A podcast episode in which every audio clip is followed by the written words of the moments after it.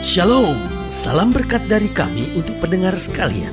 Saat ini pendengar akan diberkati dengan program Hari ini Harinya Tuhan bagian yang ke-8. Sebuah program rohani tentang doktrin Alkitab yang menolong kita untuk semakin tertanam dalam kebenaran firman dan bertumbuh dalam kemuliaan bersama hambanya Pendeta Gilbert Lumuendo, STH. Banyak orang merasa doktrin Alkitab sebagai sesuatu yang membingungkan, tetapi tahukah saudara bahwa doktrin Alkitab intinya adalah memahami Alkitab dengan benar, dengan pemahaman yang sistematis, sehingga kita terus dapat tertanam di dalam kebenaran firman, sehingga kita terus bertumbuh di dalam kemuliaan Allah. Buka hati saudara sekalian untuk menerima berkat-berkat firman-Nya hari ini. Dunia hari ini sedang dipenuhi oleh orang-orang yang mengalami krisis identitas karena mereka nggak menyadari siapa dirinya. Dan kecenderungan setelah seorang tidak menyadari siapa dirinya dia menjadi orang yang punya harga diri yang rendah. Dan kecenderungan dari orang-orang yang punya harga diri yang rendah biasanya jarang merasa hidupnya berarti. Dan ketika seorang merasa hidupnya tidak berarti maka dia mudah sekali terbujuk khususnya kepada hal-hal yang negatif karena dia pikir toh hidup saya tidak berarti tidak sedikit orang yang akhirnya rela jadi pelaku bom bunuh diri misalnya. Tidak sedikit orang yang akhirnya rela menjadi pelacur misalnya. Tidak sedikit orang yang akhirnya menjual diri. Tidak sedikit orang yang akhirnya rela menjadi perampok. Tidak sedikit orang yang akhirnya belajar ilmu-ilmu perdukunan. Nah, semuanya ini adalah orang-orang yang merasa dirinya tak berharga dan dia mulai merasa mungkin kalau saya punya ilmu, mungkin kalau saya kebal, mungkin kalau saya tahan bacok, mungkin kalau saya bisa uh, terbang begitu. Nah, itu saya akan punya kekuatan yang dihormati oleh orang. Nah, itu sebabnya orang-orang seperti itu adalah orang yang mudah dipengaruhi, orang yang mudah dipermainkan. Tetapi ini yang saya percaya, orang-orang yang berada di dalam Kristus, kita mengerti siapa kita sebenarnya, anak-anak Allah yang dikasihi di mana Allah punya rencana yang indah. Bisa saja kita menghadapi masalah, bisa saja kita menghadapi persoalan, tetapi Allah akan turut bekerja sama dalam segala sesuatu di tengah masalah dan persoalan itu untuk mendatangkan kebaikan. Haleluya. Selamat datang dalam program kita hari ini harinya Tuhan, sebuah program rohani yang kembali mengingatkan kepada kita betapa pentingnya kita menjadikan firman Tuhan sebagai dasar keseharian hidup kita. Karena selama kita menjadikan firman Tuhan sebagai dasar keseharian hidup kita, langkah-langkah ke depan kita penuh dengan kepastian, mujizat dan kemenangan. Haleluya. Dan dalam program ini kita memang sedang membahas tentang siapa kita. Nah, saudaraku yang kasih dalam Tuhan, banyak orang jawabannya akan berbeda kalau orang tanya, kamu tuh siapa sebenarnya? Sebagian bilang, saya seorang insinyur. Sebagian berkata, saya seorang ayah punya anak tiga. Sebagian berkata ketika ditanya, siapa kamu? Lalu dia berkata, saya orang dari Sumatera. Ketika seorang ditanya, siapa kamu? Lalu dia berkata, saya orang miskin. Orang lain tanya, siapa kamu? Sebagian berkata, saya orang Kristen. Ditanya lagi, siapa kamu? Ya, saya nggak punya apa-apa dalam hidup ini. Nah, ketika seorang ditanya siapa kamu, masing-masing punya persepsi. Nah, saudaraku yang kekasih dalam Tuhan, tetapi di hadapan Kristus, Yesus bilang apa? Aku tidak menyebut kamu lagi hamba, aku menyebut kamu sahabat. Jadi saudaraku yang kasih dalam Tuhan, di samping kita kawan sekerjanya Tuhan, di samping kita adalah anak-anaknya, kita juga diakui oleh Kristus sebagai sahabat yang intim, yang dekat, yang senantiasa bersama dengan dia. Haleluya. Nah, saudaraku yang kasih dalam Tuhan, pembahasan program kita ini yaitu dari Kolose pasal yang pertama. Jadi ini surat Paulus kepada jemaat di Kolose. Ayat pertama jelas dituliskan dari mana surat ini berasal dari Paulus. Siapa Paulus? Jelas Rasul Kristus Yesus. Oleh apa? Oleh kehendak Allah dan Timotius saudara kita.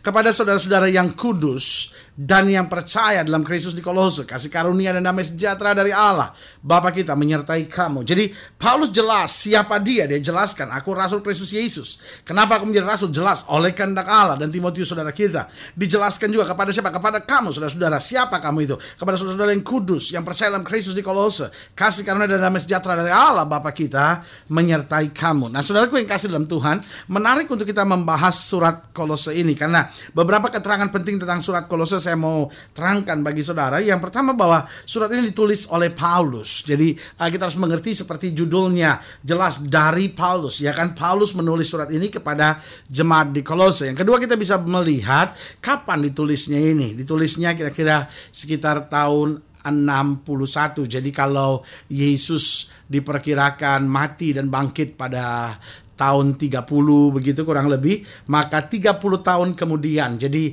sebagian mereka yang memandang langsung tentang Kristus sebagian mereka yang menyaksikan langsung tentang Kristus ada yang masih hidup tetapi sementara sebagian lagi mungkin sudah tidak ada. Sehingga sebagian ada yang mengerti betul tentang Yesus karena memang dia alami khususnya generasi-generasi tua. Tetapi ada generasi-generasi muda yang sama sekali tidak mengenal tentang Yesus hanya dengar ceritanya dari orang-orang tua mereka.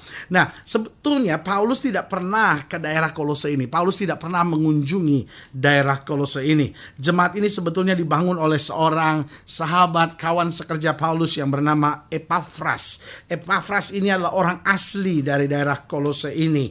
Nah, buah pelayanan Paulus Epaphras dimenangkan sehingga uh, Paulus merasa bahwa jemaat di Kolose ini begitu dekat dengan dia karena uh, jemaat ini dibangun oleh anak rohaninya orang yang dilahirkannya tapi kemudian menjadi kawan sekerja dari pelayanan Paulus. Nah perlu kita tahu juga jemaat ini didirikan kurang lebih antara tahun 52 sampai tahun 53 jadi 9 tahun kemudian dan 9 tahun waktu yang cukup untuk di satu sisi jemaat ini menuju ke arah kedewasaan tapi di sisi yang lain jemaat ini sedang alami proses yang luar luar biasa. Jemaat ini didirikan di tahun 52 sampai 53 dan beribadah di rumah seorang yang juga dekat dengan Paulus yaitu Filemon.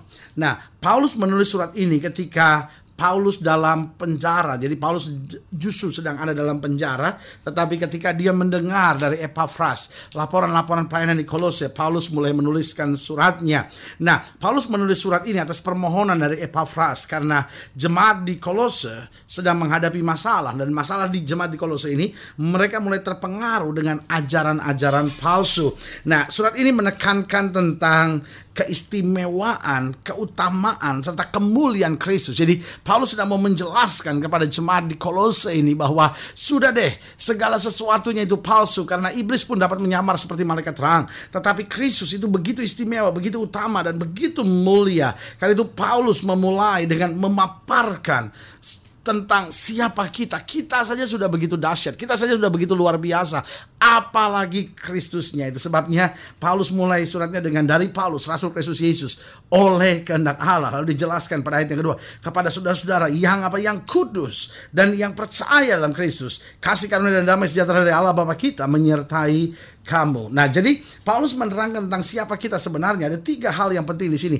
Yang pertama, dia mau menjelaskan bahwa kita sebenarnya adalah orang-orang yang dikuduskan. Jadi Paulus mau ingatkan kepada jemaat di Kolose, kamu bisa saja menghadapi pengaruh-pengaruh asing. Kamu bisa saja menghadapi tekanan-tekanan dari banyak orang. Tetapi jangan lupa, kamu bukan orang biasa. Kamu bukan orang kebanyakan. Kamu adalah orang-orang yang telah dikuduskan oleh Kristus. Nah, saudaraku yang kasih dalam Tuhan, ini yang sering kali kita lupakan. Kita cuma ingat betapa beratnya masalah kita kita. Cuma memandang pada beratnya kekecewaan, tekanan yang sedang kita lalui. Tetapi sebagai hamba Allah perlu saya tekankan sekali lagi. Kita harus ingat siapa kita sebenarnya. Kita lah orang yang sudah dikuduskan oleh darah Yesus. Kita lah orang yang sudah dibeli dengan harga yang mahal. Kita orang-orang yang sudah diselamatkan oleh Kristus. Berarti kalaupun kita harus menghadapi tantangan, kalaupun kita harus menghadapi masalah, kalaupun kita harus melewati masa-masa yang sukar, kita tahu penyertaan Tuhan, perlindungan Tuhan tidak pernah akan goyah dalam hidup kita. Jadi yang pertama yang harus kita mengerti, kita orang-orang yang sudah dikuduskan, jangan kembali ke dosa,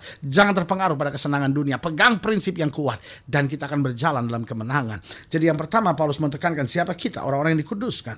Yang kedua, siapa kita? Dikatakan selanjutnya di ayat yang kedua ini, dan kepada saudara-saudara yang kudus dan yang percaya dalam Kristus di Kolose. Berarti yang kedua kita orang-orang yang percaya dalam Kristus. Jadi setelah kita dikuduskan, artinya Tuhan sudah menunjukkan kuasanya, anugerahnya, berkatnya. Otomatis sekarang kita percaya. Nah, Paulus mau ingatkan percaya bukan hanya satu kali, lalu kemudian uh, kembali lagi percaya, lalu kecewa lagi percaya, lalu uh, percaya lagi. Paulus mau tekankan hidup kekristenan nggak bisa begitu. Sekali kamu percaya kepada Kristus itu adalah sebuah komitmen, itu sebuah ikatan. Bahwa sekali saya percaya, maka Kristus memeteraikan hidup kita dan untuk selama-lamanya kita berjalan dalam kemenangan. Haleluya. Nah, saudaraku yang kasih dalam Tuhan, kalau kita percaya kepada Kristus, kenapa kita harus takut? Alkitab berkata roh yang ada di dalam kita lebih besar dari roh yang alam dunia ini. Bisa saja segala sesuatunya bergejolak, bisa saja segala sesuatunya tidak pasti, bisa saja segala sesuatunya mengerikan, bisa saja segala sesuatunya menakutkan.